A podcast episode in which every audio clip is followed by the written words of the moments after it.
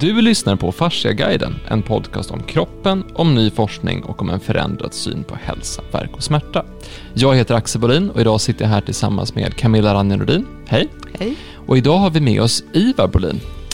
Eh, för första gången på två år faktiskt är du med. Och sen, sen du var med sist så har ju du gått och blivit eh, hålla massa kurser, lära ut eh, hur man behandlar till terapeuter och har varit med och varit hjälplärare på yrkesutbildningen till fasciaspecialist och hunnit på behandla massa människor och fortsatt jobba med, att, eh, med terapeuter och läst på mycket om kroppen och så vidare.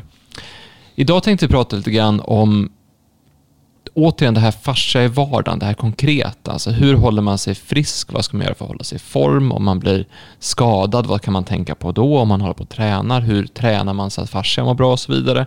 Om man gör, man tycker man gör rätt saker men man får inte riktigt att, att lossna eller släppa eller sådär, vad gör man då?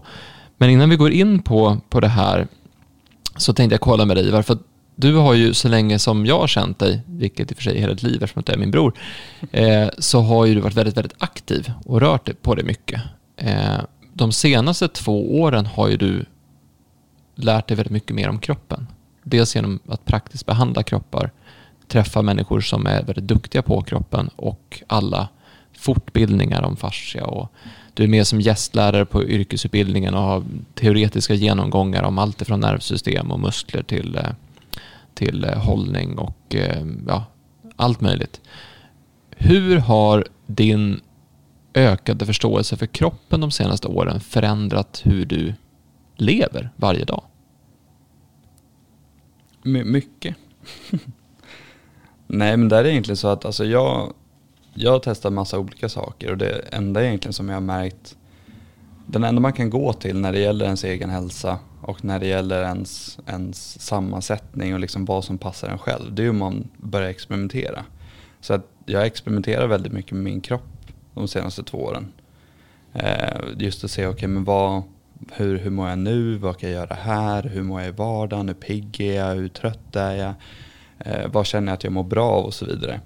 Så det har gått allt ifrån att ja, men, kapa ja, men, gluten och socker och alkohol och börja liksom hårdträna till att vad händer om jag fastar, vad händer om jag tar mycket tillskott, vad händer om jag eh, sover si eller sover så eller går ut och går eller bara stretchar eller ja, men testar någon så här olika yogaformer och liknande. Och jag skulle nästan säga att det senaste halvåret, då någonstans har jag sammansatt allting till ja, den levnadsstandard som jag egentligen har idag och mår väldigt bra i det. Eh, och jag vet inte om jag ska gå igenom nu eller om vi kommer till det sen i alla fall. Men då vet det, jag fastar sju dagar i veckan, en så här periodisk fasta. Det vill säga att jag slutar äta från klockan åtta på kvällen ungefär till klockan mellan tolv och två på dagen efter. Eh, käkar mycket C-vitamin, mycket magnesium, och D-vitamin. Ut och går varje dag, men det är också för att jag har en hund. Eh, se till att, jag gjorde en sån här grej med min eh, sambo att vi vi skulle gå ut och gå två långa promenader minst varje vecka. Och sen också att eh, ja, men variera kost, alltså köra lite vegetariskt, köra lite långkok, göra egna buljonger och liknande sådana saker. Och sen också just att eh, göra träning som är rolig. För det är kul att ha kul, helt enkelt. Och just att hitta de här, ja, men köra lite innebandy, köra lite fotboll när man känner för det, köra lite paddel. Eh, alltså gemensamhet och liksom de, de sporterna, det är ju de jag utövat egentligen hela tiden. Och sen också ja, ha riktigt roligt. Och sen bestämde jag nu i, som nyårslöfte, kommer också gå mer in på senare, men där är egentligen att ja, men nu ska jag verkligen köra liksom mycket golf i sommar. Och verkligen bli bra på det igen. För att få ut den här i naturen. Så har jag också blivit jägare. Jag märkte också väldigt tydligt att jag älskar att vara ute i naturen och bara vara stilla. Och alla säger så här, oh, men gud vad tråkigt, gud vad kallt. Ja det är kallt. Man sitter själv. Man kör lite kokkaffe från gårdagens sump eller något sånt där. Men det är fantastiskt att bara vara ute i naturen. För nu, det är januari nu när vi spelar in den här podden och det är mycket, det är mycket nyårslöften. Liksom. Ja. Det, det, det, är, eh, det finns många människor som vill vara hälsosamma. alltså som har ambition om att börja träna, eller ambition om att förändra kosten och så vidare. Men varför kan det vara så, alltså, varför kan det vara så svårt ibland att börja träna eller börja ta hand om sig och så vidare? Du har ju levt lite, lite längre än vad jag och Ivar har, Camilla. Mm. Eh, du, och du, har ju, du har ju också testat massa olika saker och så vidare. Men varför är det svårt att varför är det så svårt att börja med en, med en positiv eh, vana eller ta hand om sig egentligen? Jag vet inte varför det är... Mm. Måste väl vara någon slags insikt om... Om man bara nöter på utan att stanna och tänka efter som sagt. Och när, när man blir äldre så, så blir inte saker, vissa saker blir inte lika viktiga längre. Man, man är inte uppe i varv på samma sätt. Och, och, sen är just det här med naturen tror jag är, är väldigt, att, att folk försöker få någon liten glimt av naturen. Alltså en skogsdunge bara. Lyssna på träd. Titta på ett löv. Titta på... Alltså verkligen studera en busk eller ett träd. Eller lyssna på fåglar. Lyssna på, jag, jag som bor på landet. Som, jag känner ju det. det, det är som, man får ju sånt lugn utav det. Det var så roligt när vi var i... Och sen ska man ju inte överdriva saker. Alltså man ska ju inte bestämma sig för att nu ska jag göra det, nu ska jag göra det. Det blir så, nu ska jag gå på gym och, och träna flera dagar i veckan. Och det, det blir för stor omställning. Man måste börja med små, små saker. Och det viktigaste tror jag är att man försöker tänka på att andas på rätt sätt. Det tror jag är, är nummer ett faktiskt. Och det är också något som jag har kommit till insikt om på senare tid. Framförallt när jag läste och lyssnade på James Nestor. Då. Mm. Vi kanske ska säga det, eh, bara så att förklara det. Att I den här podden så säger vi inte så här, gör så här för det här är den enda sanningen, den enda vägen fram. Utan vi försöker hitta en balans i att dela med oss av det som vi har lärt oss genom åren, som vi har gjort själva, testat själva, det vi har läst i de olika forskningsrapporter som jag tittar på, det vi har sett från de kunder vi har behandlat, de terapeuter vi har eh, coachat och utbildat genom åren och de som, det vi har lärt oss från dem också. Eh, men jag skulle säga att det lurigaste är ju oftast att man man påverkas mycket mer av ens vanor än vad man tror. Alltså saker man kanske inte är medveten om. Mm. Och, jag tänkte, och det här gäller ju alla aspekter av, inte bara det du äter eller hur du rör dig, utan även hur du, hur du tar dig an saker. Eh, jag tänkte på en sån sak som jag var med om här, häromdagen. Att, att om du, man, man stör sig på någonting som ens partner gjort till exempel hemma. Eh, lämna disken fram eller någonting sånt där. Ja, men du vet, som, som man kan göra. Liksom. Varför, varför plockade inte hon undan det? Eller plockade inte han undan det? Och, så där. och då kan man ju agera, man kan ju agera på olika sätt där. Antingen kan man säga så här, ah men skit. Jaha, dum, dumt att de gjorde det där. Ha, och, så, så, och så blir man sur och så bara köp. Och sen så går man därifrån och säger så, ja men så. Man, man, man går in i den irritationen, är irritationen och sen går man därifrån. Eller så går man in i irritationen och så sen stannar den kvar. Så man behåller den. Bara, tänker i två timmar på en jävla dum huvud som inte plockar undan disken och så vidare. Och så sitter man där och så blir den här starkare och starkare och starkare. Och så kommer personen hem och är jätteglad och så säger man så här. Du lämnar disken framme. Så bara, men jag just, just kommit hem och jag är jätteglad, vad hände här liksom? Och det där är ju, det där är ju ett, många, många är inte medvetna om vilka små val det hela tiden är i vardagen när man gör saker. Att det, det där är ju ett, det är ett val man gör oavsett om man är medveten om det eller inte. Att ta den här irritationen och stoppa in den i sin kropp och bära runt på den istället för att ta den, ta emot den och skicka ut den på en gång. Och samma sak är det där med om vanan är att du eh, alltid ska ta kosttillskott på morgonen till exempel. Eller att du ska ta en lång promenad. Eller att du går upp för trappan istället för att ta hissen. Du kan ju göra det, men valet, det är oftast är det här lite enklare valet för stunden är oftast inte det som du faktiskt mår bra av på sikt. Eller, det, är, det är lättare att, att ta emot en känsla, hålla den i kroppen och gå runt och vara irriterad, än att säga äh, det är skitsamma, jag släpper det där det är lättare att, att vara sur på någon än att be om ursäkt eller säga förlåt. Eller, eller att, eh, att förlåta en person. Så jag tror att det finns någonting i oss som gör att vi inte... Vi inte... Eh, vi har, det är någonting emot inuti som gör att vi inte har, kan, alltså har svårt att göra det här som egentligen är bra för oss. Men hur har ni tacklat den utmaningen? Men problemet är väl att, att ofta om man ska ändra någonting. Man har en vana och så inser man att det här det är ingen bra vana. Oavsett om det rör mat eller rörelse eller vilk- vad som är livsstilen. Så, så eh, och man, man blir medveten om att man ska ändra någonting. Men när man gör det så man får ju inget snabbt resultat. Alltså du, du får liksom ingen feedback tillbaka att ja, det här mådde kroppen jättebra utav. Utan det tar så, man måste ha sån uthållighet så innan man märker något positivt resultat. Och sen, kanske, sen är det ju inte bara en sak. Utan det är kanske många saker som fattas kroppen om man säger så. Och då, man måste ju få någon positiv feedback. För får man det, då, då tror jag att man att det är lättare. Att, ja, men det här mådde jag ju faktiskt väldigt, väldigt bra utav. Just, det, man, man blir väldigt ensam med sin förändring. Att om jag, nu ska jag vara, eh, vara lite mer positiv eller nu ska jag eh, ta hand om min kropp och så vidare. Eller göra, göra mina armhävningar eller min morgonyoga eller mina rörelser och så vidare. Så när jag gör det en dag, det är ingen som kommer och säger så här, gud vad duktig du är.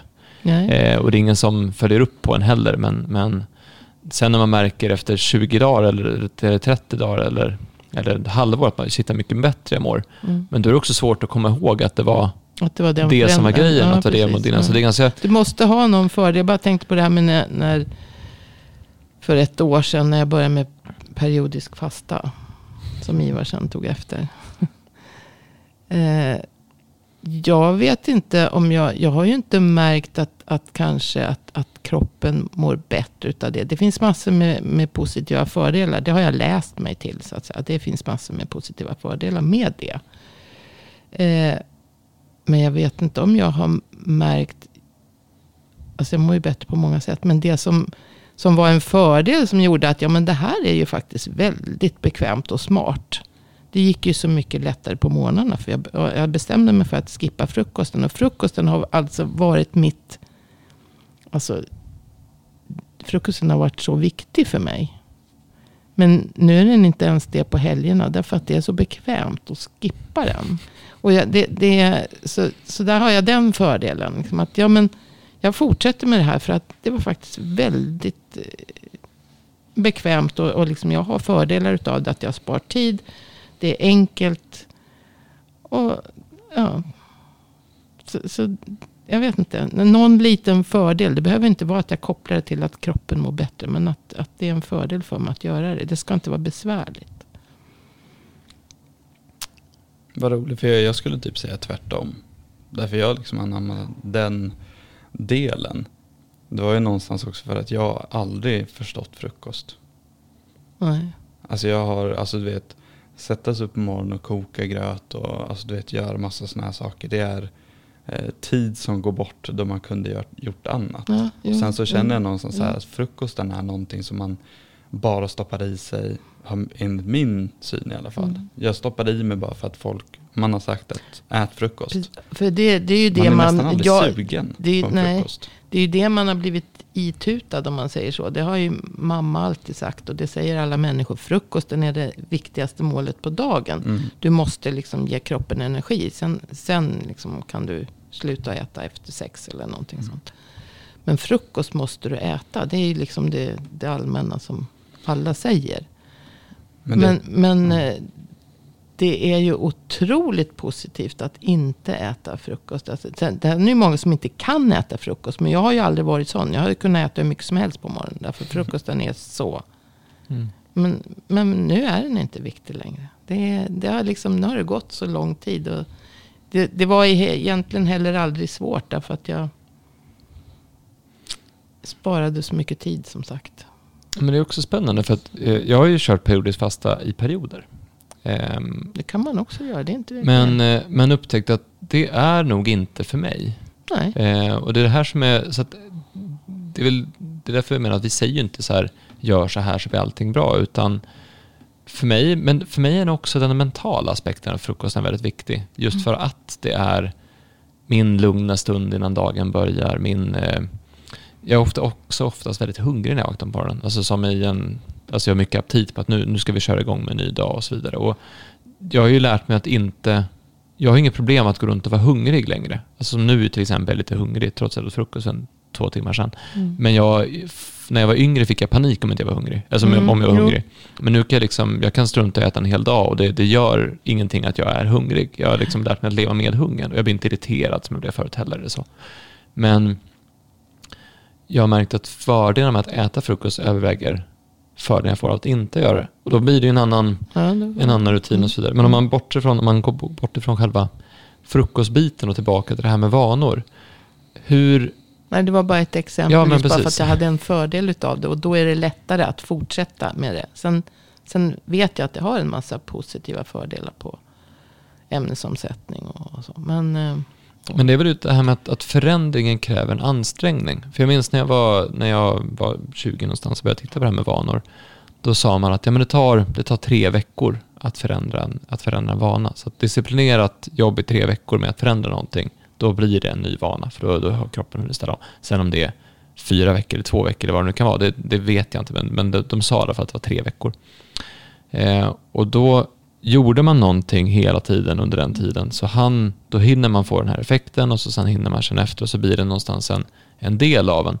Och det här är någonting som vi ofta lär ut till, det är många, många som vi har att göra med som driver verksamheter. Och om du tar en sån sak som, som kundservice eller bra service. Så att om du alltid eh, ler mot folk som kommer in eller du är alltid trevlig eller du har att men jag ska vara jag ska vara eh, lyhörd mot alla mina kunder.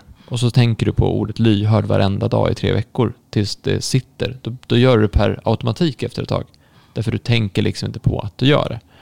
Och det är just att då blir det ju en vana istället för någonting som du, som du, har, eh, som du måste tänka på. Och där blir det ju någonstans att försöka, alltså egentligen på ett sätt programmerar man ju in ett beteende och när man ska förändra ett dåligt beteende. För de här dåliga beteendena kommer ju oftast från, från att de har tränats in, fast i tidigare åldrar eller i tidigare del av livet eller sådär. Varför man gör just vissa saker. Men vad, eh, har du mer att tillägga på det här med hur man kommer igång? För det är ändå många som kämpar med den biten. små förändringar. Inte, inte för, Ja, för sen, mycket på en gång. Så. Sen också någonstans att man kanske bara ska sätta sig ner att fundera på vad det är man gör, hur man vill leva, hur man vill må och vem man gör det för. För där är också mycket typ så här, okej men varför eh, varför har jag slutat träna så kontinuerligt som jag gjorde? Men vad ska jag med det till? Jag mår ju bra. Och sen någonstans alltså hitta, hitta sin, sin grej och göra det för sin skull. För någonstans är det så att när man gör det för sin skull och man gör det för sig själv, man gör det för sitt eget välmående och man gör det med den liksom insikten. Ja men då, då räcker väl det då. Och det är ju som med mycket andra saker. Men sen också just att, alltså jag har alltid drivits av liksom en, ehm, en tanke eller ett sätt att vara någonstans. Just att behöver det vara så komplicerat alla gånger? Om det är komplicerat, är det rätt? Vad händer om man bara fokuserar på att göra, göra saker enkelt? Och det är ju någonting som man kan ta med sig i alla former av aspekter i livet. Någonstans, okej men vad är enkelt? Mm. Hur ser det här ut? Vad, vad är enkelt för mig? Och om det då plötsligt börjar bli komplicerat att göra någonting som man tror är enkelt. Finns det, alltså varför ska man göra det då?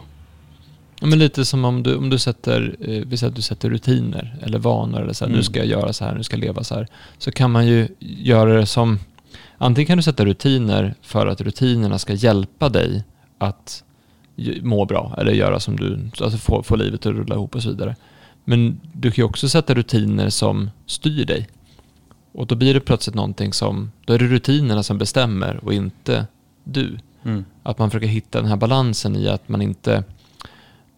Alltså vi är ju inte robotar, vi, är ju inte, vi vill ju inte ha en, liksom, en hård klockning på hur, hur saker ska utan vi, vi kanske ska snarare ska hitta ett sätt så att vi kan vara att man lär känna sig själv men att man inte heller låter sig, att man behöver inte ta det så allvarligt. Mm. Man behöver inte ta det så, så att och nu måste jag göra, eh, jag måste börja träna tre gånger i veckan, jag måste förändra all min kost, jag får aldrig mer äta socker och jag får aldrig mer göra det här och jag får aldrig mer, alltså när det blir så, så mycket på en gång och så mycket måsten och så vidare, att man hittar den här glädjen i att, att ta hand om sin kropp istället för att man känner att det är ett tvång. Där tror jag många fastnar i att, att man, man ser på sig själv, man är inte nöjd med sig själv och så sen får man för sig att nu måste jag förändra allting. Och jag, jag tror att, att, precis som Ivar säger, hitta den här enkelheten och också glädjen i det. Mm. Ehm, och sen, man, det är bra, alltså jag till exempel har, jag har jättesvårt för att träna själv. Alltså att gå på gymmet har aldrig funkat för mig. För jag, jag har svårt att motivera mig, då hittar jag alltid någonting annat jag gör istället. Samtidigt vet jag att jag mår faktiskt bra av, jag mår bra av att fysiskt anstränga mig ordentligt i alla fall två gånger i veckan. Det mår jag, det mår jag bra av. Då mår jag mycket bättre, jag blir piggare, jag sover bättre och så vidare. Och nu har jag en sån sak som är det, att vi kör innebandy varje torsdag. Jag och Ivar körde igår faktiskt. Och den träningsformen funkar så bra för mig. Inte för att det är innebandy. Och inte för att det är på en bra tid på en torsdag. Utan för att om inte jag dyker upp, om inte jag kommer på den här träningen, då kommer de få svårt att ha folk nog för att spela. För vi är så få som är där. Vi behöver vara mellan sex och åtta personer för att vi ska kunna få det här att funka. Då blir jag väldigt viktig. Om jag inte dyker upp, då kanske det inte blir av. Då förstör jag för alla andra. Det är min starkaste motivation för att börja träna.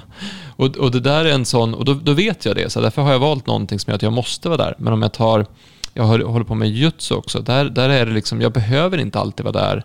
Därför de klarar sig i alla fall. Och då blir det lite svårare att motivera sig själv till att faktiskt hinna om man jobbar över eller om det kör ihop sig lite hemma eller om det är någonting sånt där. Så att man inte man, man hittar en ursäkt för att inte komma iväg eller livet kommer emellan och så.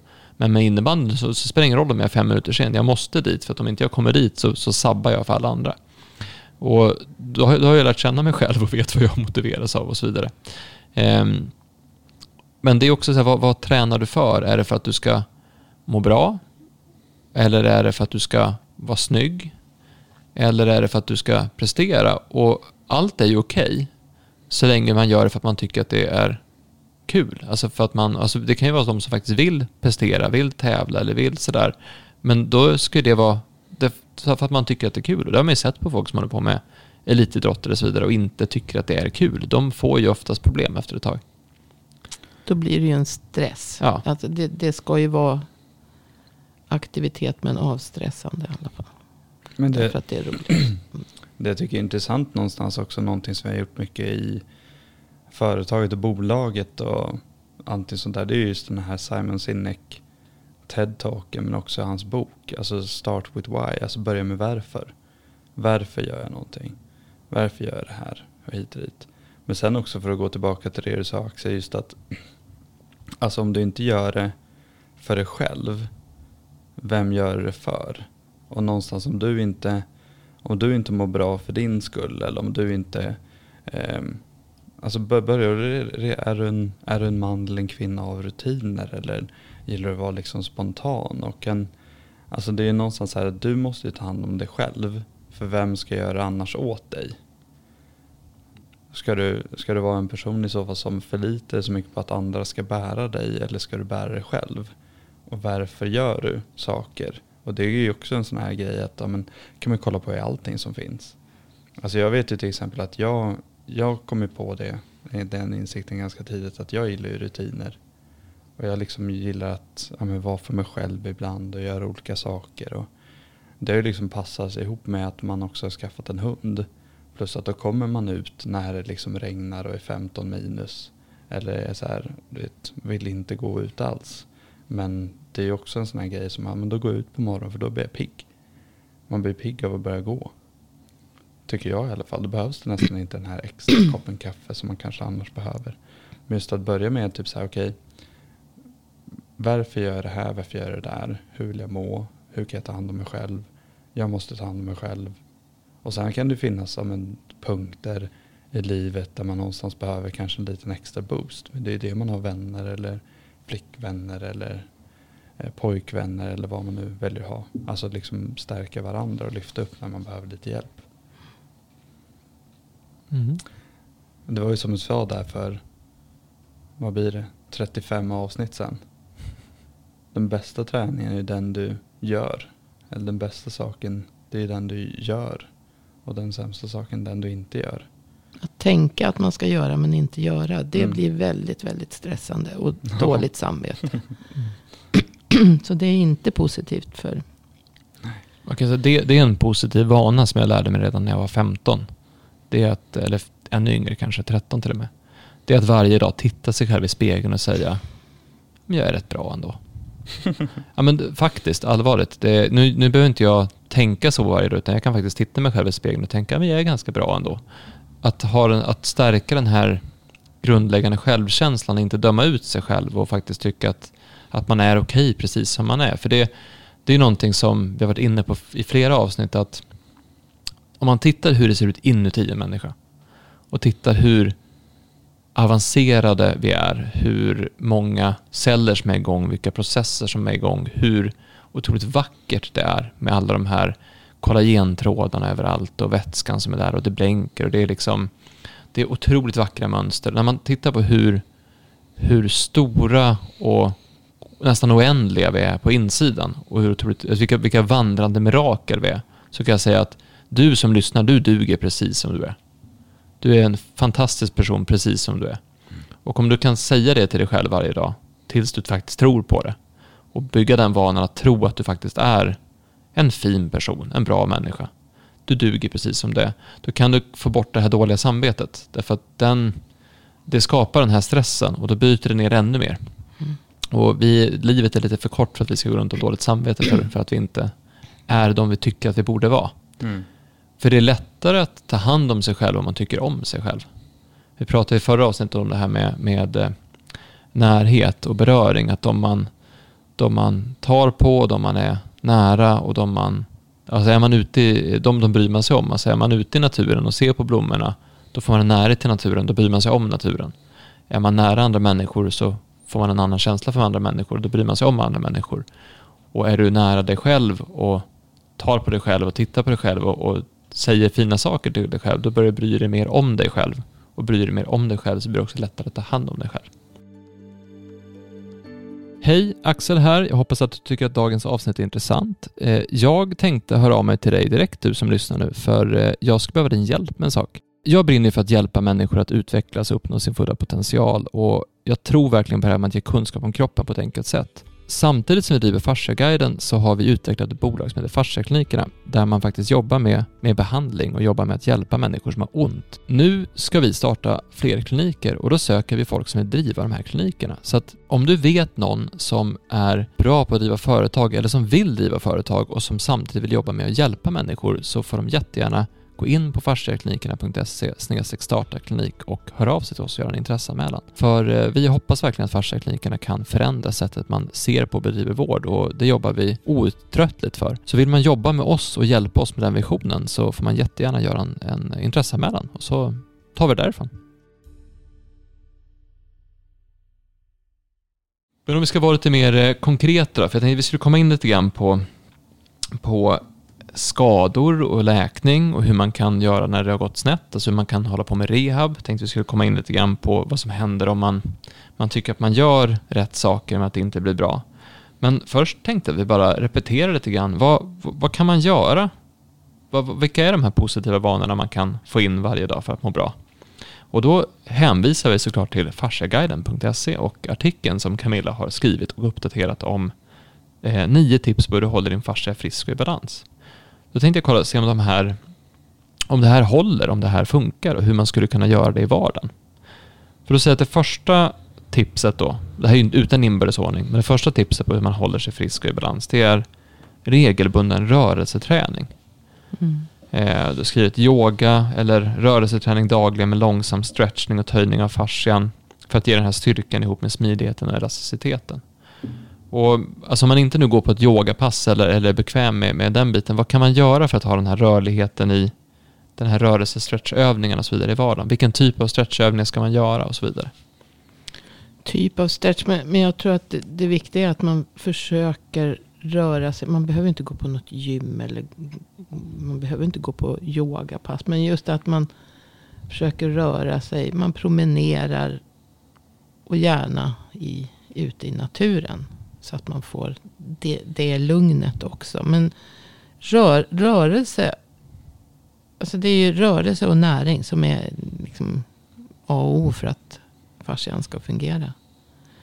Är du, eh, så fort du rör dig och, och du stretchar kroppen. Du kan lägga dig ner. Och, eller alltså, solhälsning. Att sträcka armarna mot eh, himlen och handflatorna uppåt. Och små, små rörelser och verkligen försöka sträcka ut kroppen. Det producerar en massa antiinflammatoriska ämnen i fascian.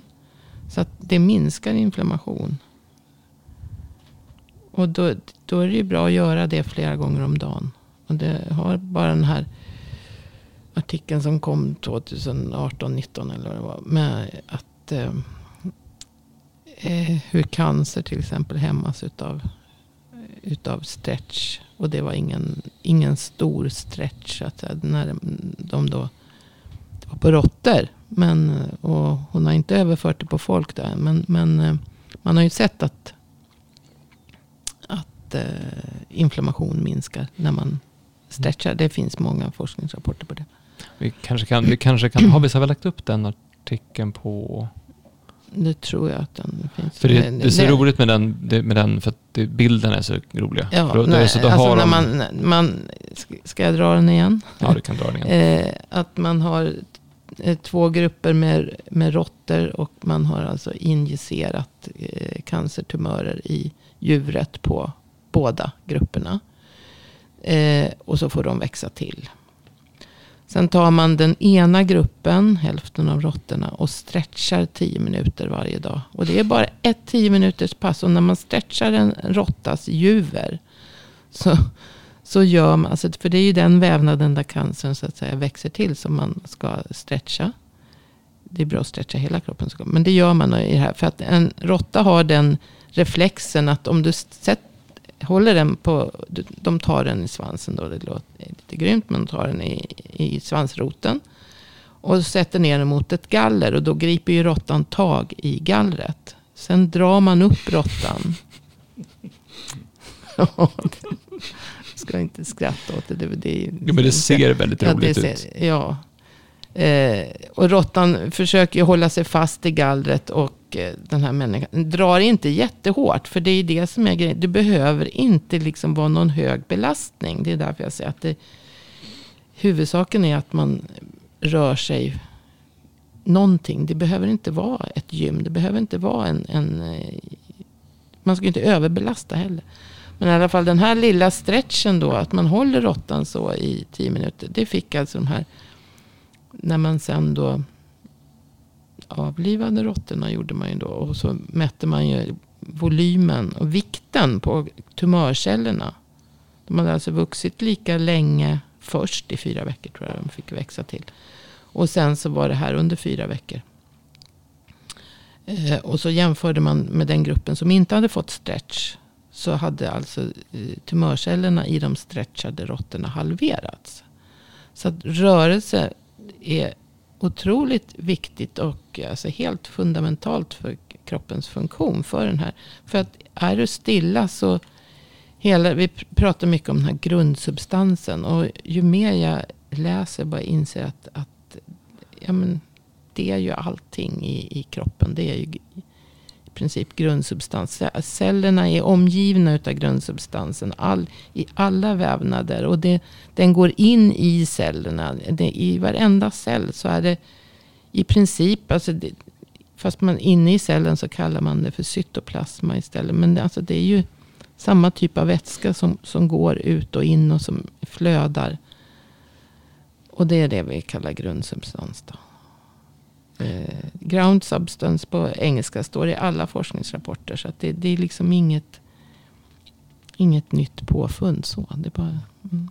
Men, då för den som... Man, har, man har förstått vikten av det här. För det är så många olika molekyler. Alltså, och det är sammansatt av så, som många ämnen som påverkas direkt utav om du rör dig eller inte rör dig. Om du inte rör dig så då får inte cellerna några signaler och då bildas inte saker. Och cellerna ska, det är ju cellerna som ska producera det här. Och cellerna måste få en, en signal. Vad ska produceras? Vad ska brytas ner? Vad ska bytas ut nu i kroppen? Vad, vad händer i kroppen? Vad är det du gör? Vad är det jag ska göra för att det här ska fungera?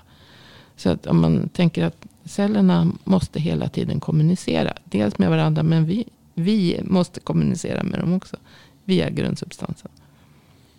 Och där, där vi, när vi signalerar att, att det, vi håller på att röra på oss här, då kommer mm. de att säga, eller de och de, mina egna celler då, kommer, mm. kommer mm. att anpassa sig efter det. De får signalen att det här, här, ja, men det här går till så här. Och ligger du då still eller sätter en arm i mitella, det kanske man måste göra. Men, men eh, alltså, eh, immobilisera någon del i kroppen. Eller för att det gör ont någonstans. Och då kanske du börjar vrida på benet eller försöka avlasta. Så den leden får egentligen ingen, eller den muskulaturen runt på ett visst ställe får ingen. Och den fascian då, den grundsubstansen som hela tiden finns runt allt. Får inte några eh, impulser alls. Och då, mm då kommer det liksom stoppa upp där. Men sen kan det funka på andra ställen. Men då blir de istället överbelastade. Och överbelastning på grund av snedhet och asymmetrier. Alltså ger en också felaktiga signaler. Så att säga. Det ger signaler som till slut att det blir inflammation och överbelastat. Och ger inflammation och så. Mm. Men det är väl därför som om man tar enkelt i vardagen då. Så att promenaderna är väldigt bra för att få just den här mm. vanliga mm. rörelsen man vill ha hela tiden. Men sen pratar vi också om den här rörelseträningen typ stretch. Och för de som, för de som tänker att amen, solhälsningar varje morgon eller enkla yogaövningar så där, det, det, det, känns lite långt borta, det känns lite konstigt. Kan det vara så enkelt som att man bara kan köra, liksom, plocka lite äpplen ja, och liksom bara sträcka ja. på sig? Och, om ni kommer ihåg från, från gymnastiken, den här uh -huh. plocka äpplen, sträck ena armen upp, sträck andra armen upp. Eh, och, och, så böjer man ner, vad var det man gjorde då? Plocka bär. Plocka bär, mm. samma sak, att man bara böjer sig ner och rör. Och det kan man faktiskt göra varje gång man reser på sig. Mm. In, innan du stiger ur sängen så kan du ju bara dra armarna bakåt och sträcka ut kroppen och bli så lång som möjligt. Jag, jag vet inte om jag, jag, gjorde så mycket sånt för men det var också men fast det var rätt många år sedan jag började reagera på att så fort jag la mig i sängen så började jag sträcka på mig och liksom och hur jäkla skönt det var. Ja, det, alltså, det är otroligt skönt att bara ligga och, och liksom bara känna hur man mm. armar dras ut och fötter, tårna, alltihopa bara dras ut. Jag kan säga att det gör ju min tre, tre månaders dotter gör ju det precis hela ja. tiden. Sträcker sig ja, men och djuren gör ju och så. Och hunden gör ju så ja. också. Han, han, Katter eh, inte minst. Hunden sträcker sig precis som en katt. Mm. Eh, min hund i alla fall. Han mm. krummar ryggen mm. först mm. och sen så sträcker han ut benen, bakbenen, så här, mm. och så. Men, eh, men om vi säger nu så här, för de, den, som då har, den som inte sträcker på sig när de går upp ur sängen eller stolen eller så varje dag, hela tiden.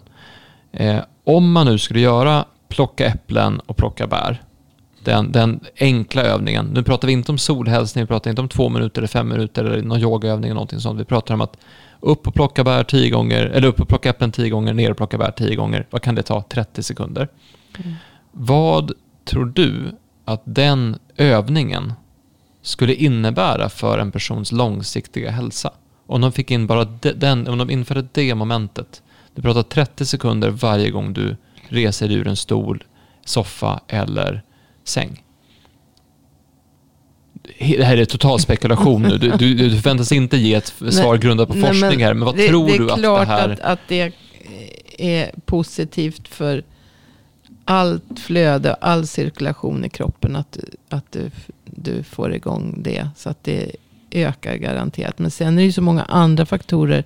Du, även om cellerna får signaler till att ja, sätta igång olika typer av metabolism. Så, så måste ju näringsämnena finnas. Jo, men precis. Det, vi kommer vi in på. Ja, så att det egentligen, om, du... om man ska bara säga rörelse och en hälsosam kost. Men den kan ju vara, vi kan komma in på kost och, och den mm. biten, men, men, just att få in den här rörelseövningen, det borde väl ändå innebära att man får att man blir lite piggare, att immunförsvaret fungerar lite bättre. Att man får lite lättare sen när man ska träna. Att man får Mm. lite bättre förebyggande inför skador. Att man får lite bättre återhämtningsförmåga. Mm. Att man blir lite... Eh, att man känner sig lite bättre i kroppen. Jag menar om nu djuren, om nu hunden och bebisen gör det här. Jag kallar just min dotter för ett djur, det är väldigt kul. Mm. Han är ju för ett djur, det är ju Mm. vi alla. Men, eh, men om de nu gör det här varje gång de reser på sig, då borde det ändå finnas en ganska stor hälsoeffekt i det. Absolut. Även Alltså, den du, lilla du lossar ju eh, fasciahinnor som, som sitter och, och kletar. Du får ju fart på den här grundsubstansen sitter ju emellan och ska få allting att glida bland annat. Mm. Och då, då får du ju... Du lossar upp det. För har du legat still en hel natt så, så har du ju kletat ihop sig. Mm. Vad har du för rörelsetips? Så här enkla saker som folk kan göra. Nej, men jag, jag tyckte på plocka äpplen, plocka bär var ju ganska bra. Eh, men sen så vet jag, för jag tänker, jag har tänkt på det nu när ni har ja, men diskuterat med Camilla, och typ så här, men vad kan vara enkelt att bara göra? Men det är också så här, jag brukar säga till alla som kommer på behandlingar och bara, alltså gå. Och när man, alltså Mm. när man går, tänk på att gå. Att gå, alltså lätta promenader, alltså 10-20 minuter. Men det gör man kanske om man, du vet, går från jobbet eller jag är en sån här walk and talker. Så jag går ju alltid när jag pratar i telefon.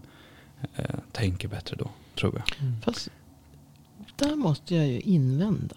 Ja, invänd på. Jag behöver inte prata Nej, men jag tänkte bara, bara, när du går, då ska du ju passa på att verkligen försöka slappna av och andas lugnt genom näsan. Därför ska du inte gå jättefort kanske. Du behöver inte, det beror på vad du vill med din, med din gång. Men om du bara ska få igång kroppen och stressa av så ska du ju gå lugnt. Så att du, du ska andas genom näsan, lugnt. Och då går det inte att prata telefon. Det är klart det går. Nej, för när du pratar telefon då andas du genom munnen. Och då sätter du igång det sympatiska nervsystemet. När du andas genom näsan och, och lugnt och samtidigt som du promenerar så, så får du igång det parasympatiska också. Så att du liksom jobbar med, så du har liksom en mer balans mellan Hur snabbt tror du jag sympatiska. går när jag jobb, pratar i telefon?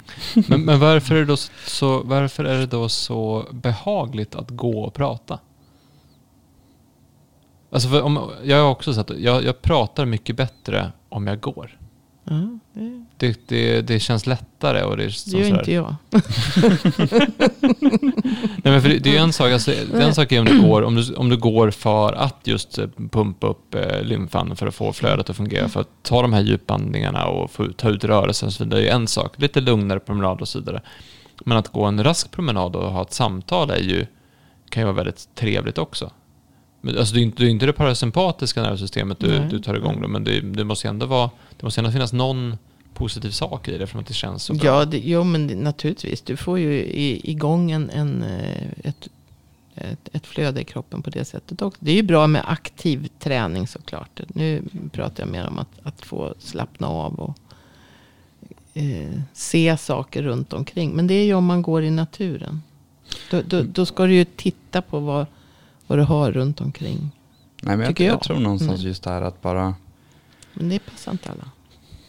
alltså som du säger, när man ligger i sängen. Alla är lite, inte vet jag, vissa kan ju bara, alarmet går och så hoppar man upp ur sängen. Så är inte riktigt jag. Men då, då sträcker man ut sig, man kollar runt lite. Sen så just att man går lite. Sen alla har ju någon form av boll eller någonting sånt hemma. Det tycker jag är ganska bra också. Just att bara ja, men, rulla under fötterna. Alltså rulla en boll eller någonting under fötterna. Du behöver inte göra det länge alls. Men det är alltså, jag försöker liksom hitta saker när jag ändå gör någonting annat som jag kan göra under tiden. Men sen också det jag har tänkt jag ska börja med nu, jag har gjort det en gång.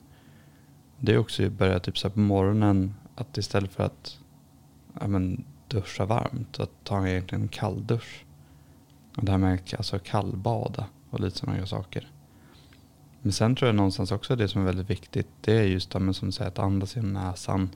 Alltså börja tänka på sin andning. Mm. Och då, då, då gjorde jag det när sängen och skulle men, somna bara här om veckan. Och så skulle jag ta sådana här, om du vet, men åtta riktigt djupa andetag och verkligen tänka på alla alla olika nivåer i lungorna och liknande. För det man märker också när man träffar många människor och behandlar och när man säger så här, ja men ta ett djupt andetag. Alltså många, många andas ju inte. Nej, det är, nej, det är ett, ett jätteproblem. Eller de andas ju men alltså Ja, nej, men inte man- liksom så här man- riktigt djupt. Men det är inte också- andning med stort A. Nej men Nej. precis. Nej men där vet det. Men när jag skulle testa det då undrade min sambo bara, vad, vad gör du? Tyst. så där är också, men bara den här lite, alltså småsakerna gör skillnad.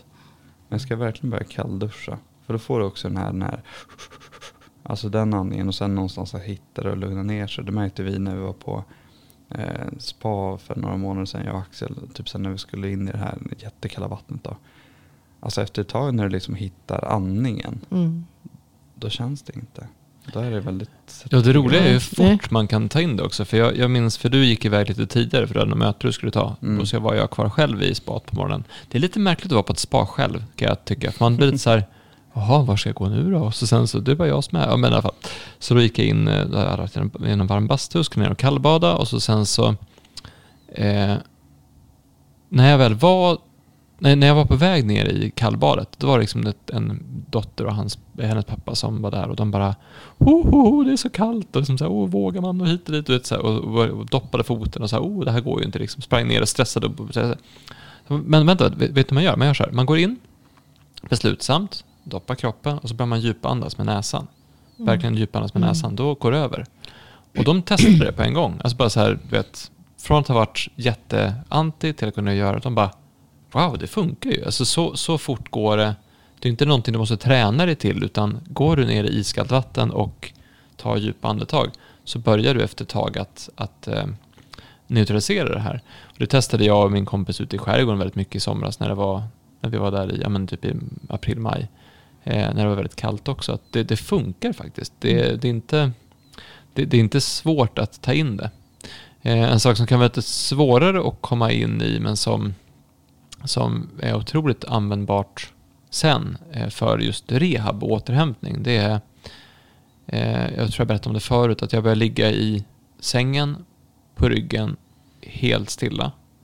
Och då, måste, då får man inte röra på kroppen. Alltså du, du måste inta dig själv att du inte får röra på den. Börjar det bli obekvämt, du får inte röra på den. Börjar det kännas konstigt, du får inte röra på den. Börjar det sticka någonstans, du får inte röra på den. Du får inte ens vifta på en tå. Utan du måste ligga helt, helt stilla. Och eh, djupandas. För ligger man helt stilla och djupandas, då kan man få samma typ av tryckavlastning som vi gör på behandlingar ibland. Så har jag varit och tränat och fått en smäll. Det var framförallt när jag, när jag körde mycket, som mest med jutsun till exempel. Då kan man ju få en, ett, en smäll eller ett fall eller någonting. Eh, då, då tickar det där tillbaka och så börjar Mm. kroppen att återhämta sig, bygga om en. Det blir som en total, en extremt tung tyngdlöshet samtidigt så att det börjar fixa sig i kroppen. Och det intressanta var att, eh, jag kanske berättade om det förut, med min eh, jujutsu-tränare då, han är eh, svensk, väldigt svensk, men han har hämtat mycket inspiration från, från Japan, varit där och till, så lärt sig från riktigt här gamla visa japaner som håller på med jujutsu och så vidare. Och då är han så här, ja men de gör så, så det är säkert bra, nu kör vi på det. Så han har avslutat passen med att man sitter och, och sitter helt tyst i tio minuter i skräddarställning och liksom djupandas och så.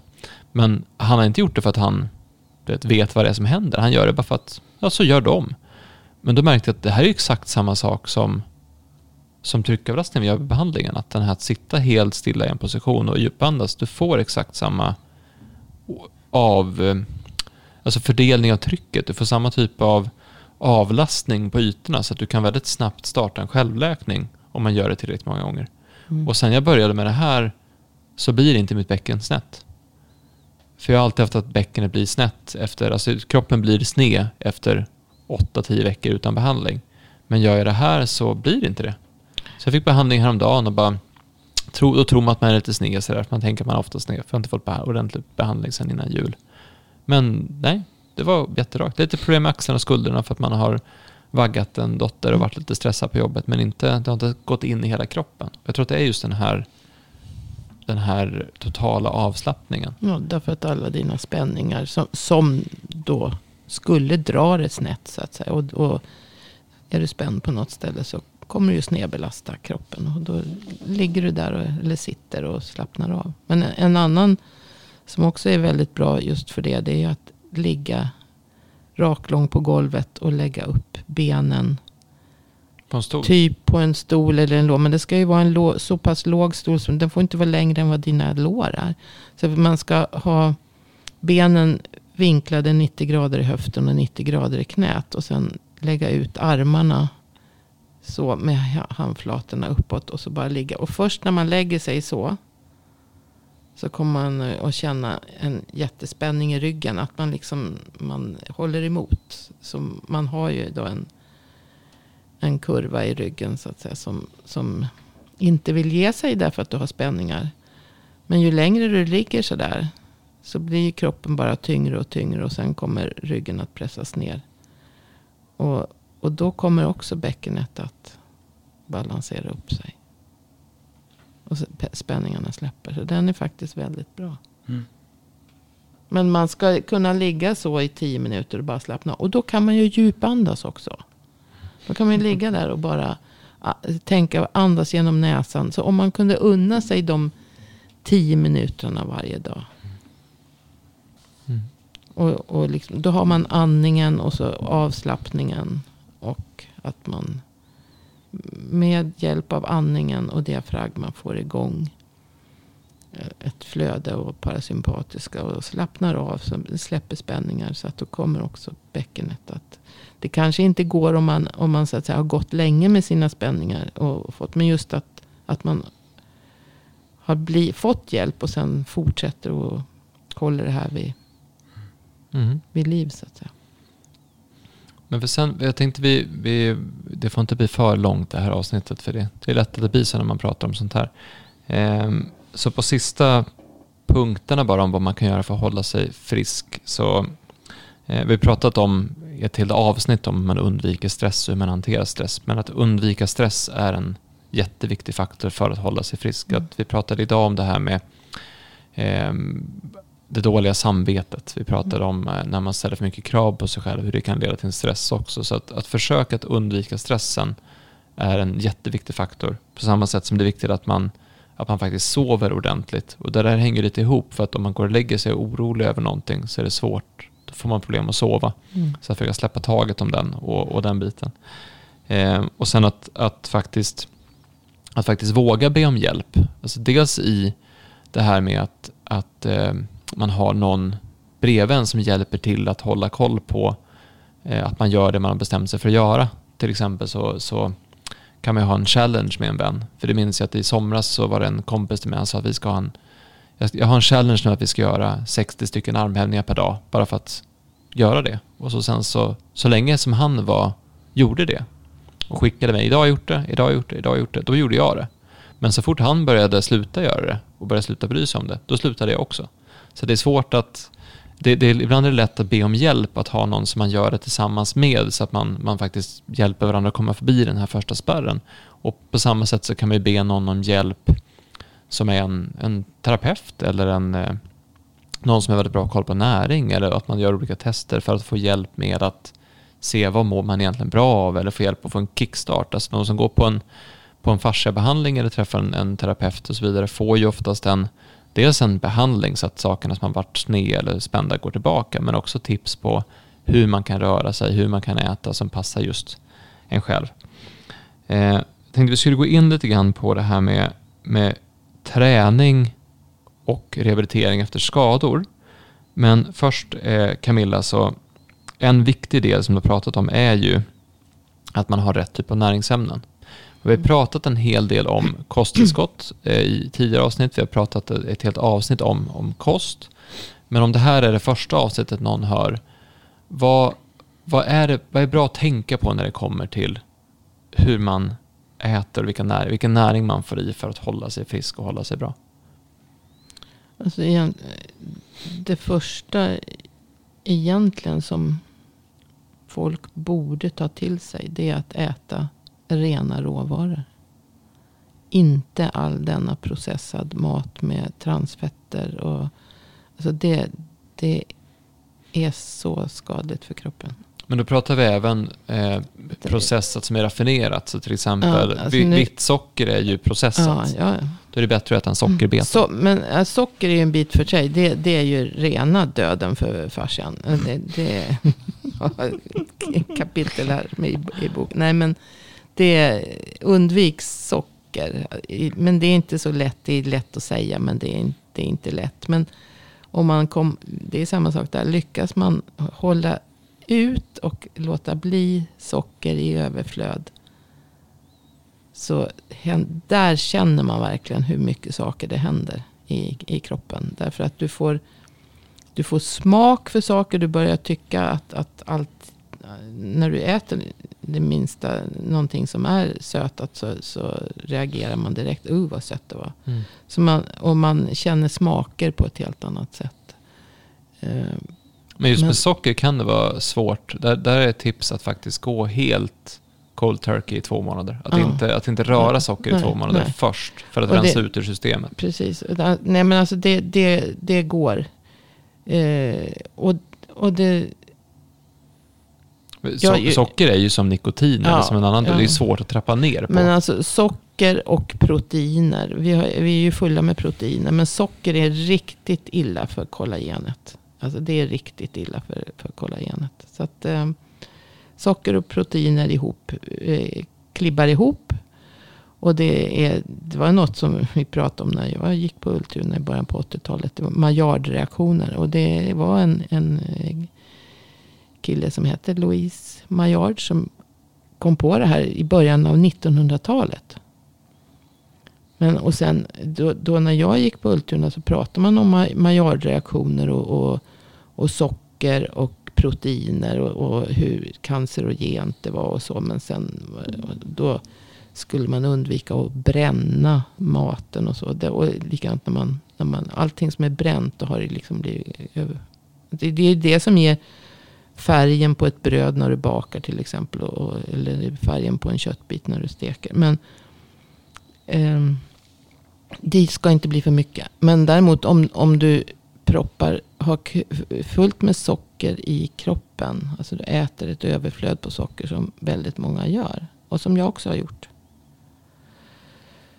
Så, eh, så klibbar det ihop med allt protein. Och det är hemoglobin, det, det är, är i eh, blodkärl. Det, det är hormoner som också är proteiner. Det, men framförallt kollagenet som är alltså kropp, ett, eh, så, ja, kroppens vanligaste protein. Så att det, det, det blir hopkletningar och man kallar det för karamellisering. Då. Det, är inte, det är inte bara hittepå utan det är, det är sånt som... Det är inte att leka med. Nej, det, det är faktiskt inte det. Det insåg inte jag då i början på 80-talet. Jag fortsatte att äta socker. Det var ingen som sa åt mig direkt på det sättet att, att socker var skadligt. Så, utan då pratar man mer om att just att inte mm. eh, ja, proteiner och socker ihop när man liksom men sen är det också när man, när man tänker på, på råvaror. Alltså om du tar till exempel en apelsin. Mm. Och så äter du en apelsin. Jämfört med om du tar fyra apelsiner och pressar ett glas juice av det. För du be behöver ungefär två till fyra apelsiner för att få ett, ett stort glas juice. Liksom. Mm. Men du blir ganska mätt om du äter fyra apelsiner. Ja. Jämfört med om du tar ett glas juice. Ja. Är det inte lite så man kan tänka det, också? Det, för att se hur man tar sig? Det är bättre att ta en apelsin och äta en apelsin än att äta, dricka ett glas juice. Därför att du får ju, med apelsinen så får du ju, det har vi också pratat om förut, att, att eh, citrusfrukter okej. Okay. Det är inte jättemycket socker, men, men apelsinerna är sötare idag än vad de var förut. Äpplena är sötare idag än vad de var förr. Mm. Eh, alltså äter du gamla oförädlade äpplen, gamla sorter menar jag nu. Alltså likadant med det finns ju syrliga apelsiner, det finns söta apelsiner. Men folk tenderar ju till att vilja ha allting så sött. Mm. Jag pratade om gamla sortens surkörsbär. Som fanns i alla trädgårdar först, eller förr. Eh, finns inte längre för man ska ha söta bigarråer istället. Men alltså man, allting ska vara sött. Och det där är, så även frukt och bär har ju så att säga förstörts med, och blivit sötare. Så det får man också tänka på. Därför att vi prioriterar det som är sött. Men om man lyckas hålla bort från socker så kommer man att få en helt annan smakupplevelse utav allt mm. i kroppen. Eller när, i munnen när man äter. Men vi kommer, vi kommer inom några veckor i alla fall göra ett till avsnitt om just eh, kost, vitaminer, näring, mineraler. Alltså och, och fördjupa oss mer med det. För vi håller också på att göra en, vi har alla gjort en eh, helblodsanalys eh, nyligen som vi kommer mm. utvärdera om vad som har hänt och, och hur vår status är på olika nivåer. Men det, ta... det, är ju något som är, är, bra att ha lite koll på. Men vissa, alltså när man äter kosttillskott. Mm. Men, men, men det, det, det, blir så mycket så vi får mm. nog ta ett eget ja, avsnitt. Eh, för vi ska prata lite grann om det här med, med eh, skador och läkning och träning för, för läkning. Eh, vi har ju precis publicerat en artikel om det på Fasciaguiden. Om hur man kan, men, men om det sägs att man har skadat sig, vad är viktigt att tänka på när man tränar då? Eller när man rör sig överhuvudtaget? Alltså om man har en skada så man, man ska ju inte... Man måste ju försöka... Man ska ju röra på kroppen fortfarande. Och man ska även försöka röra den kroppsdel beroende på vad det är för skada naturligtvis. Men, men det är absolut inte frågan om någon överbelastning. Men som jag har sagt förut då. Att, att kroppen måste ha, ha rörelse. Eller fascian måste ha rörelse. För att kunna läka också. Du måste ha ett flöde till och från cellerna. Du måste ha, få signaler. Cellerna måste få signaler hur den här kroppsdelen ska, ska läka ihop på rätt sätt. För att det inte bara ska bli ett felaktigt ärr så att säga. Så måste eh, cellerna får signaler om hur ska kollagentrådarna ligga här för att det här ska bli funktionellt. Och då, då måste man visa riktningen men man ska absolut inte överbelasta. Så det var ju ett tydligt exempel på det som Ivar gjorde. Man ska inte göra som jag gjorde med andra ord. Men det berättade vi inte om. Du kan vi berätta om det då? Ja, eh, min axel hoppade ur led i oktober 2020. Var det va? Ja. Och då vet det så eh, gick min bicepsena av till ungefär 70 procent. Och så jag hade hur ont som helst och fick en sån här mitella och hit och dit fram och tillbaka. Och där är någonstans här också, ja, men var man kommer ifrån lite sådana grejer. Men alltså att när man stukar en fot, då ska man gå på foten, man ska inte halta. Och sen får man gå långsammare då. Och sen så vet du, så den där mitellan den fick åka av direkt när jag kom hem. Eh, men sen så var det också just den här vikten av behandling. Och någonstans att, att få gå igenom hela kroppen. visst, jag hade en, hade en smäll i liksom själva axeln. Men det spred sig vidare egentligen i hela kroppen. Så då behandlade jag mig själv väldigt mycket eh, under liksom den perioden. Jag käkade mycket ja, kosttillskott och mycket ja, kollagentillskott och lite sådana grejer för att jag visste att det behövdes. Eh, för man har ju lärt sig från alla gånger man har suttit med Camilla och pratat. Men då vet det, i just det här sambandet så läste Camilla och Hans den här forskningsrapporten på att brosk kan läka. Och sen också det här med att eh, det läker lika snabbt som muskler men sen också just att ja, men du behöver när ett ligament eller när en sena går av då någonstans om du bara gör en stretch under en kort period eller om du bara gör en rörelse så kommer du fortfarande gå igenom det friska området. Det kommer inte gå igenom det vad ska man säga, trasiga området. Mm. Och då behöver du göra en kontinuerlig rörelse under en viss tid då för att det ska gå över det sjuka området. Det var ju bara att när jag då hörde det här och när jag tänkte oh, så här ska jag göra, så här ska jag göra, så här ska jag göra. Då vet det, gick jag då till gymmet och tänkte jag men då hänger jag för att jag hade gjort sådana här vet, spindelövningar. Man klättrar på väggarna med fingrarna och så upp och ner och det var ju otroligt jobbigt. Och sen att man skulle pressa axlarna mot väggen och skulle man liksom gå ut och gå in och pressa och hit och dit fram och tillbaka. Det är ju inte jätteroligt sådana här saker. Och då tänkte jag någonstans, men då går jag till gymmet och ska hänga, hänga på en bar. För att, du, för att, liksom, för att anstränga din biceps. Precis. Mm. Tala om vilken riktning trådarna skulle ligga. Det var ju bara att jag hade missat just den här, för jag visste att okej, okay, tio minuter och sen måste jag vila sex timmar och sen kan jag köra liksom igen. Men jag hade misstagit just den här belastningen. Så där är också så här, då hänger jag i den där baren och så tänkte jag, men jag hänger 90 sekunder, sen vilar jag i 30. Fast det var ju egentligen tvärtom och så kanske man inte skulle göra det med sån vikt, för det blir ju ändå min in, vikt. In, inte den belastningen. Nej. Du ska, du ska stretcha, ursäkta, du ska stretcha senan i, i 30 sekunder. Och det hade nog inte gjort någonting om det hade blivit 60 eller 90 heller. Mm. Om det hade varit en väldigt belastning. lindrig belastning. Utan bara, till exempel bara ta ett, en, om du nu vet var, var senan sitter. Mm. Så kan man ju ta ett finger och dra på senan och bara hålla den i ett sträckt läge. Eh, en, en tid också. Alltså, så att man ändå bara talar om. Dels så stimulerar man fibroblasten, alltså cellerna i senan. Och, och, om man trycker på den. Men och, och sam, samtidigt så drar du den i, i den, den här riktningen ska fibrerna ligga. För det är den här riktningen som kraften kommer. Sen kanske du skadar ledbrosket också. Men då behöver ju det en annan typ av signaler. För ett ledbrosk, en led är ju till för att, alltså den ska ju ta emot kompression. Och, och så lättar den när du släpper på, på belastningen så att säga. Så där ska du ju på något sätt försöka få någon annan kanske att trycka in din axel. Så att leden fick eh, under en tid. Och sen eh, också alltså, trycka, lätta, trycka, lätta. Där är det inte lika viktigt med 30 sekunder. För det där med 30 sekunder var ju för att om du bara hade använt armen som du brukar. Eller foten och vad det nu är för sena. Så att säga. Så blir det liksom, går man på en fot eller så. Så blir det ju mer, då blir det där tryck, lätta, tryck. Och det går för fort. Mm. Du kommer aldrig belasta det här sjuka området. Utan de friska kollagentrådarna i senan kommer att ta all kraft. Då kanske de går sönder. Eh, och blir överansträngda.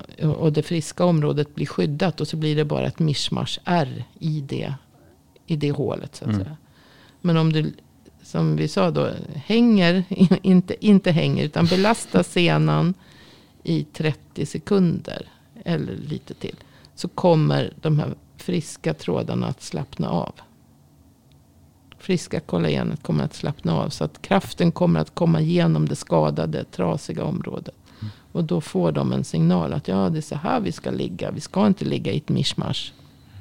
Och nu kanske du sitter och tänker så här bara, ja, för, för, många sekunder var det, vilken belastning var det, hur ser det ut sådär? Och då kan jag passa på att flagga för att eh, de nya artiklarna vi har på Farsaguiden som kommit upp nu eh, under veckorna som har varit. Eh, då är det en som handlar just om hur fascia formas av belastning, rörelse och tryck. Eh, det är en som handlar om träning för att stärka fascian. De pratar just om det här, hur man kan rehabilitera en ligamentskada men också hur man kan förebygga att man får problem med fascian genom enkla inslag i ens träning för de som tränar mycket och så vidare. Eh, För vanliga människor, eller för vanliga människor, så för alla människor egentligen som vill hålla sig i form. I vardagen. Eh, och sen även en artikel om, om kan artros i en led läka? Förklarar aktuell forskning på eh, artros och broskbildning. Eh, och sen har vi även två artiklar om, om könshormoner, alltså om, om fascian påverkas av könshormoner, men även varför det är vanligt att kvinnor har ryggvärk. Eh, men jag tänkte, det kan ni gå in och läsa, de finns på farsägaren.se. Men jag tänkte som, som avslutning här för, för eh, dagens avsnitt, ehm, för lite Ivar så var det som så här, du, du skadade din bicepssena och så sen så var det som att du körde 80 kilo bänkpress på den direkt efter. Ehm, det blir ju nästan så när du hänger med den typen av belastning som du hade då. Men samtidigt så pratar du om det här med att du gillar att experimentera. Mm. Och det är det som hände nu när du gjorde det här. För det första så vågade du ju ta det med tellan på en gång. Och sen så visste du vart du skulle vända dig och hur du skulle börja. Och så sen så läkte du väldigt, väldigt fort jämfört med om du hade inte gjort någonting av det här. Och så gjorde du en miss. Ett misstag. Men det misstaget är ju kvar här, vad var det, två år senare, ett och ett halvt år senare. Och det är ju också en lärdom. Så att man behöver inte vara rädd för att göra en miss. Och så kan man ju skratta åt sig själv för att man var lite dum. Men nu, nästa gång du, det händer någonting så har du järnkoll på vad du ska göra. Jajamän. Men jag ska inte hamna i den situationen igen. För jag vet precis vad jag gjorde och varför det hände. Och att, så en sån situation ska man inte hamna i igen. Vad var det du gjorde då? Nej, alltså det började med att jag, vet det, jag ramlade på en fotbollsträning och stukade båtbenet i tummen. Och sen så vet det, gick jag inte på behandling för jag hade väldigt mycket att göra på jobbet. Och sen så började det där sprida sig vidare då till armbågen. Jag tänkte, ah, här, det går väl över, jag vilar lite allt vad det är. Sen då i den här fotbollsmatchen, då har det alltid varit just att vi, vi måste vinna den här matchen för att gå upp i seriesystemet. Och då gick man in i gamla vanor, det vill säga att ja, men jag, jag kör tills jag stupar. Och då vad heter det, så fick jag då en, en glidtackling bakifrån. Och så när jag skulle landa då, det är också roligt hur, hur snabbt det kan gå i tanken och hur långsamt verkligheten kan vara vis i vissa situationer. För då, är liksom, då sträcker jag fram min arm och så tänker jag, nej tusan, inte båtbenet igen. Och då vet du, drog jag tillbaka armen och tänkte, ja men jag landar som en fisk. Så här, platt. Alltså på fotbollsplanen, hård, hård konstgräsplan. Det var bara att jag tänkte inte på vinkeln jag kom in i. Så jag trodde att jag föll platt, alltså raklång. Men jag föll ju snett ovanifrån. Så all, all kraft hamnade på min axel. Och då bara... Men det var ju för att jag alltså, stressade, jag gick in i gamla vanor som jag inte ska göra. Och sen vet jag att jag inte tog behandling innan. Mm. Nu, du kan ju inte säga, jag menar du kan ju ramla igen utan att Ja, det men kan nu, nu vet jag Nej, att men axeln, axeln är ju väldigt känslig därför att det är en väldigt grundled. Mm. Du har en sån grundskål. Mm. Så att, ja, men det är också så att man vet ju att, att om, om det händer en gång kan det hända många gånger. Ja, ja. Just med axeln i led och lite ja. sådana grejer.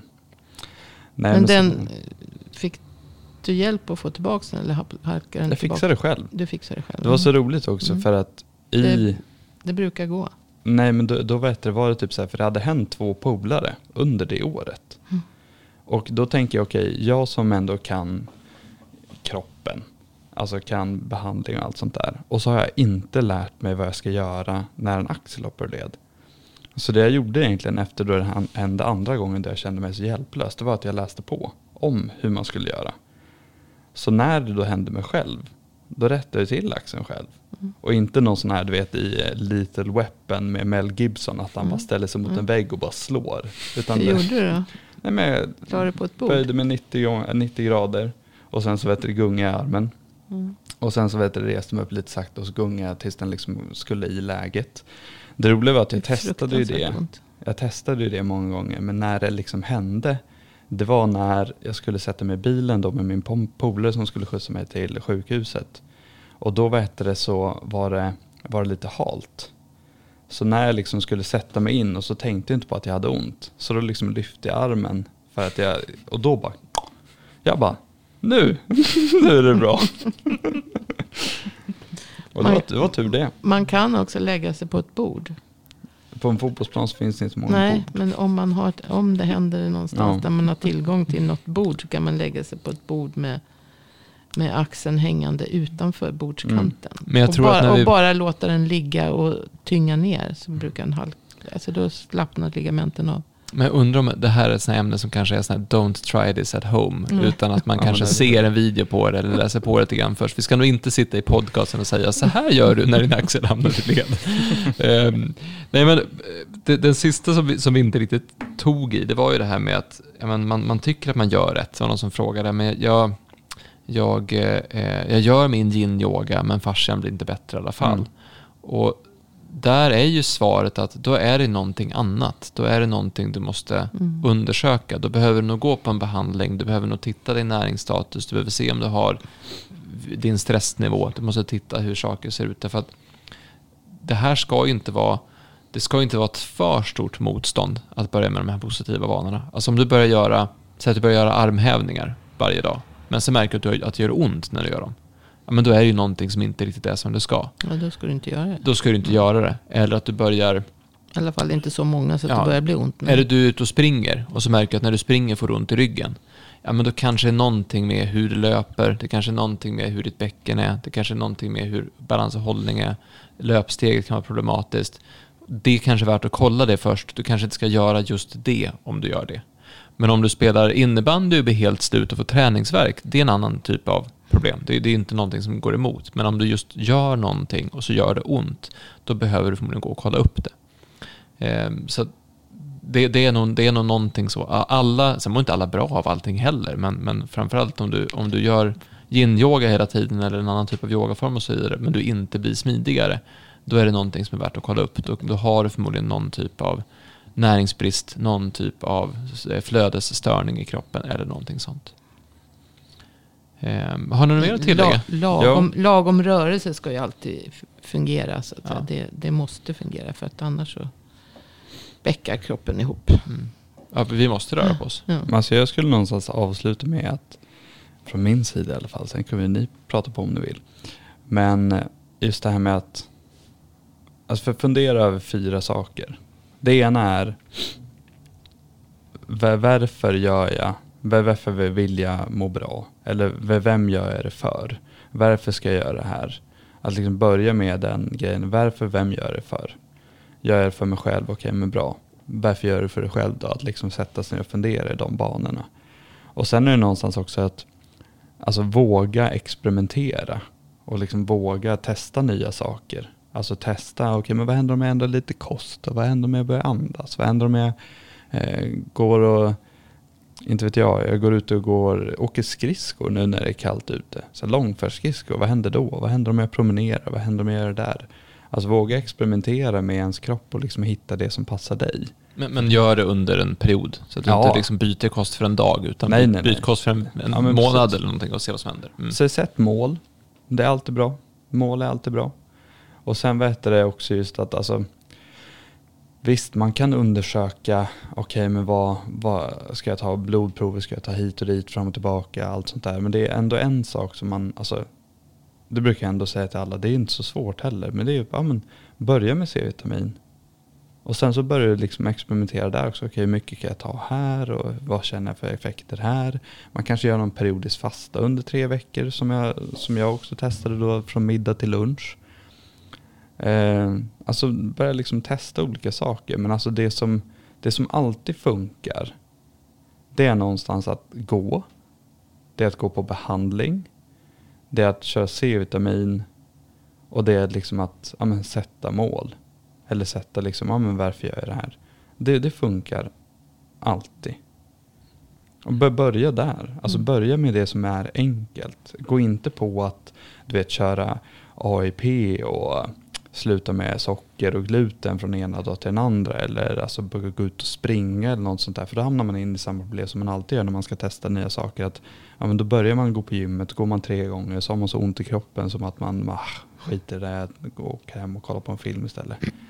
Utan Nej. börja med det som är enkelt. Okej, men vad kan jag göra så att det inte blir en så stor förändring i vardagen just nu? Ja men bra, jag kan beställa kosttillskott. Ja men bra, då börjar jag där. Och sen så bara, ja men du jag testar nu.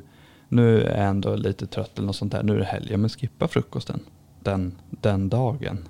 Och se, se vad, som, vad som händer. Hur man mår. Och så bara, men jag mår ganska bra. Men testa det dagen efter igen. Men få liksom en kontinuitet och få liksom det enkla i det. Och sen också bara alltså, se sig i spegeln och liksom bara, men jag, jag är jag. Och någonstans att eh, man mår bra i sig själv. Och man mår bra, inte för någon annan, utan man mår bra för att jag vill må bra. Börja enkelt. Det skulle jag säga. Och experimentera. Mm. Nej, för det, det är ju så just det här med, med socker eller vad man än nu ska ändra. Att, att tvärsluta inte med socker. Man kan minska, börja med att minska ner. Ja. Att låt bli eh, chokladkakan eller Mm. bullen. Eller, men, men minska på mängden. Sen Mm. så små, och det är samma sak med periodiska fastan. Man behöver inte börja med 16-20 timmar. Utan ta, eh, Jag kör 20 sån kan- vattenfasta i tre dagar heller. nej. Utan, utan Börja liksom bör, börja med att utöka en timme. Du kanske kan äta frukosten något senare beroende på vad det är. Liksom. Och gör det kanske en dag i veckan. Eller två dagar i veckan. Behöver Mm. inte göra varje dag. Att behöver inte göra så radikala förändringar direkt. För då blir det ofta bakslag. Sen tycker jag alltid det är kul att liksom experimentera med ens kropp och liksom se vad den är kapabel till. Mm. Och liksom vad man ska göra. Men där är också just den här frågan om att varför gör jag det? Gör jag det för att jag vill, jag vill veta vad min kropp behöver och inte behöver för att jag ska må bra? Eller gör jag det från någon annan? Och det är den största egentligen motivationen som jag i alla fall känner. Mm. Ja, men har man sen- intresset för det. Mm. Eh, Om du inte är intresserad av att testa din egen kropp, men då, då är det dumt att göra det. Mm. Och sen bli medveten om alltså att, att du eh, har en medvetenhet och känner av kroppen. Och, säger, ja, men, och jag tänkte på det här med C-vitamin. För att det är en konst att äta C-vitamin. Det är Jo, inte bara att ta en C-vitamintablett eller två eller tre. Eller säga att nu ska jag ta fem gram om dagen. Eller nu ska jag ta tio gram om dagen. Nej, det, det är en konst. Men som, om man känner, känner, sin kropp och vet, eller du vet att nu har jag bara sovit tre timmar i natt. Alltså nu krävs det mycket C-vitamin för att eh, reparera det här. Då pular jag i mig lite extra och då tål kroppen det. Mm. Eller nu har jag, är jag jättestressad och jag går liksom på högvarv. Ja, men då tar jag lite extra. Men en dag när man är lugn och harmonisk, och, då går det inte åt så mycket. Nej. Så det, det, det, är inte så att det är en dos dagligen. Utan man kan ha en... Ja, man måste variera. Och det gäller egentligen... Mm. Ja. Sen tycker jag det var så roligt. Jag måste bara lägga till det. På det Camilla pratade om i början av avsnittet. Just det här med att kolla på naturen. Och såna grejer. Alltså det är otroligt kul att kolla på folk. Och kolla på mm. naturen. Det var som i lördags. Då vet du, var jag inte jättepigg. Och så vaknade min hund ungefär vid sju. Så jag skulle gå ut med han. Alltså då gjorde han sina duties. Och sen så vet det, var det fyra ekorrar som sprang runt i den här lilla skogsdungen där vi brukar gå promenad. Alltså jag och Bentley då, vi stod och kollade på de här ekorrarna i en kvart. Helt liksom, han var ju helt fascinerad. Men jag blev också så här, du vet de jagade varandra, hoppade mellan träd. Och du vet stannar och kollar så här som djur kan göra. Och sen bara tuff, och så bara for de iväg. Skitkul. Mm. Och där är också så här att alltså, tänk hund. Alltså hundar är inte komplicerade djur. Mm. De sover, de gör enkelt, de vill ha mat, de vill kissa, de vill bajsa, de vill äta. Och de vill ha lite Och de vill kärlek. ha kärlek. Ja. Det är enkelt. Tänk hund.